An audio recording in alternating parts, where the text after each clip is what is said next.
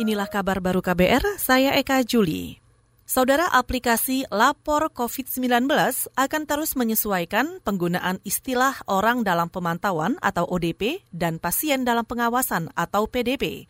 Koordinator aplikasi Lapor COVID-19 Irma Hidayana mengatakan, belum semua daerah mengganti istilah ODP PDP dengan suspek.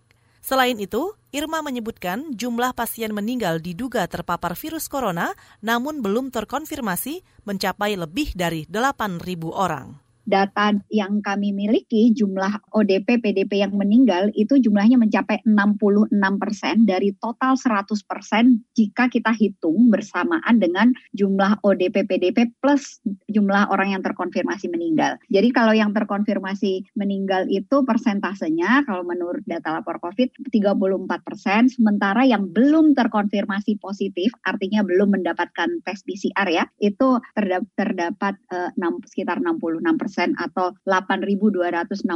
Jadi memang tetap angkanya konsisten lebih dari tiga setengah kali lipat. Koordinator aplikasi Lapor COVID-19 Irma Hidayana berharap pemerintah membuka data statistik COVID-19 yang sebenarnya. Irma juga mengingatkan angka statistik COVID-19 yang setiap hari selalu disampaikan pemerintah merupakan data publik yang seharusnya bisa diakses secara transparan dan seluas-luasnya. Kita ke soal lingkungan.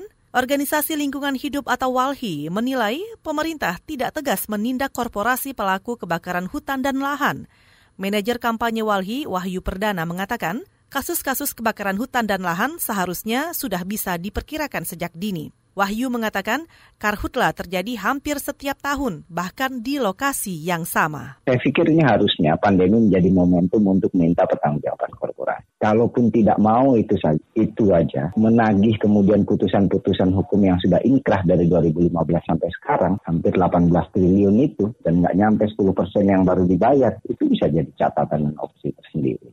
Yang kedua juga momentum pemerintah untuk kemudian merubah kebijakannya sesuai putusan-putusan hukum terkait karhutlah. Yang terjadi sekarang kan enggak, bukan seperti itu. Manajer kampanye Walhi Wahyu Perdana juga mengingatkan asap akibat karhutlah berbahaya bagi kesehatan. Asap juga menurunkan imunitas atau tingkat kekebalan kesehatan masyarakat. Hal ini bisa meningkatkan resiko terpapar berbagai penyakit termasuk COVID-19. Sejumlah negara bagian di Amerika Serikat melaporkan peningkatan jumlah kasus positif baru COVID-19 dalam beberapa hari terakhir. Florida mengalami peningkatan sebanyak 12.000 kasus baru, sedangkan Texas mengumumkan 7.300 kasus baru. Sedikitnya 14 negara bagian melaporkan terjadi rekor jumlah rawat inap pasien positif COVID-19 pada bulan ini. Misalnya di Alabama, Arizona, Georgia, North Carolina, dan Nevada – Secara nasional, menurut situs World Do jumlah kasus positif COVID-19 di Amerika Serikat saat ini sudah lebih dari 3,8 juta orang. Total jumlah kematian melebihi 143 ribu orang, sedangkan pasien sembuh lebih dari 1,8 juta orang. Meski terjadi peningkatan kasus, otoritas pendidikan Amerika Serikat tetap mendorong sekolah-sekolah untuk segera dibuka kembali. Saudara demikian kabar baru, saya Eka Juli.